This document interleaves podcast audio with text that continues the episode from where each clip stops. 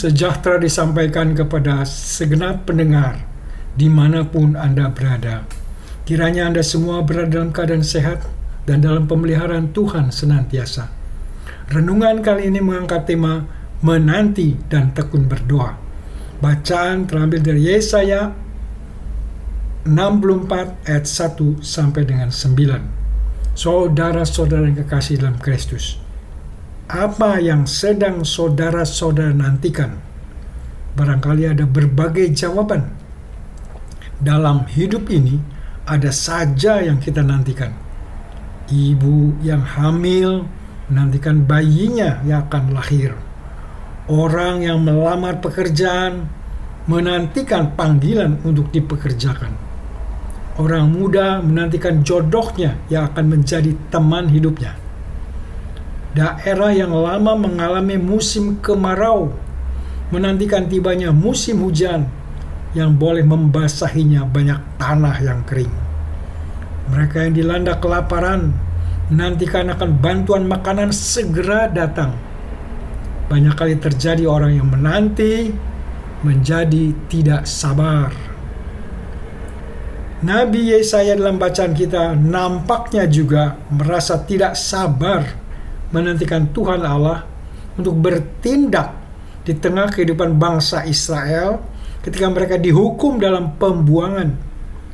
Nabi dalam pembukaan doanya berseru, Sekiranya engkau mengoyakkan langit dan engkau akan turun sehingga goyang-goyang di hadapanmu seperti api membakar buat ranggas menyala-nyala dan seperti api membuat air mendidih untuk membuat namamu dikenal oleh lawan-lawanmu sehingga bangsa-bangsa gemetar di hadapanmu. Nabi ingin agar Allah bersegera bertindak, turun dari langit dan menyatakan segala kuat kuasanya sehingga bangsa-bangsa gemetar. Bukankah doa seperti itu juga yang kadang-kadang kita panjatkan Doa-doa seperti itu sangat sering dipanjatkan oleh banyak orang Kristen. Ketika sakit, doanya ingin segera sembuh. Ketidak, ketika tidak ada pekerjaan, doa, lalu besoknya dapat pekerjaan. Ketika jualan tidak laku, berdoa, besoknya dagangan laris luar biasa ketika kemiskinan mengganggu hidup, menaikkan doa. Besoknya rezeki mulai datang dan dalam tempo singkat hidup lebih dari cukup. Ketika lama tidak dapat jodoh, doa. Lalu minggu depannya sudah ketemu jodoh yang diidam-idamkan. Inilah doa yang tokcer. Langsung terjawab karena Allah segera turun tangan dan menyatakan kuasanya. Dua semacam itu yang kita harapkan terus terjadi dalam hidup kita. Allah semacam itukah yang kita inginkan, bukan? Tidak mengherankan Allah seperti itu yang dicari banyak orang.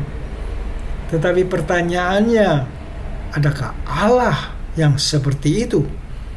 Allah yang selalu menuruti keinginan manusia Allah yang cepat bertindak sesuai dengan permintaan yang disampaikan kepadanya. Kalaupun ada Allah semacam itu, itu adalah Allah buatan manusia. Allah semacam itu bukan lagi Allah yang berdaulat dan berkuasa, tetapi Allah yang menjadi pelayan manusia yang dengan patuhnya mengerjakan segala yang diperintahkan oleh manusia si pemohon. Memang Nabi Yesaya dalam bacaan kita menginginkan Allah yang segera bertindak, mengoyakkan langit dan Allah segera turun untuk menyatakan kuasanya. Tetapi ini bukan satu-satunya pemahaman teologis Yesaya mengenai siapa Allah yang dia percayai. Allah dapat segera bertindak kalau itu sesuai rencananya. Tetapi Allah juga dapat dianggap berlambat-lambat bertindak Nabi dalam Yesaya 55 ayat 8 pernah berkata, Sebab rancanganku bukanlah rancanganmu, dan jalanmu bukanlah jalanku. Demikianlah firman Tuhan. Kemudian di ayat ke-9-nya dikatakan, seperti tingginya langit dari bumi, demikian tingginya jalanku dari jalanmu, dan rancanganku dari rancanganmu. Di sini dinyatakan Allah adalah Allah yang berdaulat dan super kuasa, yang mempunyai rencana, yang mempunyai jalan, yang mempunyai rancangan. Ia dapat cepat bertindak, menjawab doa-doa Anda dan saya, tetapi ia juga dapat menunda jawaban untuk melatih kesabaran dan ketekunan kita berdoa. Ada unsur kedua yang menarik dari doa syafaat Nabi. Sekarang perhatiannya diarahkan kepada diri umat Tuhan, di mana Nabi termasuk bagian di dalamnya. Pengakuannya akan keadaan umat sangat gamblang dan tidak pakai basa-basi untuk menutupi keadaan umat Tuhan Yesaya 64 ayat 6 dikatakan, Demikianlah kami sekalian seperti orang najis dan segala kesalehan kami seperti kain kotor. Nabi mengungkapkan keadaan umat seperti orang najis. Orang najis adalah orang berdosa yang patut dijauhi karena tidak layak orang untuk didekati.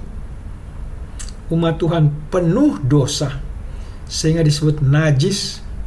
Kalaupun ada perbuatan baik ataupun ada kesalehan, itu tidak lebih seperti kain kotor. Pengakuan tidak berhenti pada keadaan diri yang najis tadi, tetapi Nabi menengadah kepada Tuhan sumber pertolongan dan pengharapan. Ia berkata, Engkaulah Bapa kami, kamilah tanah liat, dan Engkaulah yang membentuk kami dan kami sekalian adalah buatan tanganmu. Ya Tuhan, janganlah murka amat sangat dan janganlah mengingat-ingat dosa untuk seterusnya. Sesungguhnya pandanglah kiranya kami sekalian adalah umatmu. Ketika kita terjatuh dalam dosa, ketika kita merasa kotor dan najis, itu adalah pekerjaan roh kudus yang menyadarkan akan dosa dan kekotoran kita tanpa Roh Kudus, kita akan mengeraskan hati dan mencoba mencari-cari alasan yang membenarkan diri sendiri. Roh Kudus menyadarkan akan keberdosaan dan kenajisan kita. Cuma jangan berhenti di situ. Kalau berhenti di situ, kita cuma menjadi frustrasi. Banyak mereka yang tanpa Roh Kudus berhenti di situ. Dan seperti Yudas akhirnya membunuh diri sendiri adalah kehendak Roh Kudus untuk kita kembali datang kepada Bapa. Dialah penjunan. Dialah yang telah membentuk kita. Kita hanyalah tanah liat di hadapannya. Mohon kemurahan Allah untuk jangan mengingat dosa-dosa kita. Mohon kemurahan Allah untuk melihat kita sebagai umatnya. Mohon kemurahannya untuk membentuk dan mengolah kita agar makin menjadi seperti yang dikehendakinya. Kita berdoa sambil menyanyikan nyanyian, Buatlah jalanmu dalam saya, Tuhan penjunan ku tanah liat, biar kau kerjakan seturut maumu, ku duduk diam di kakimu.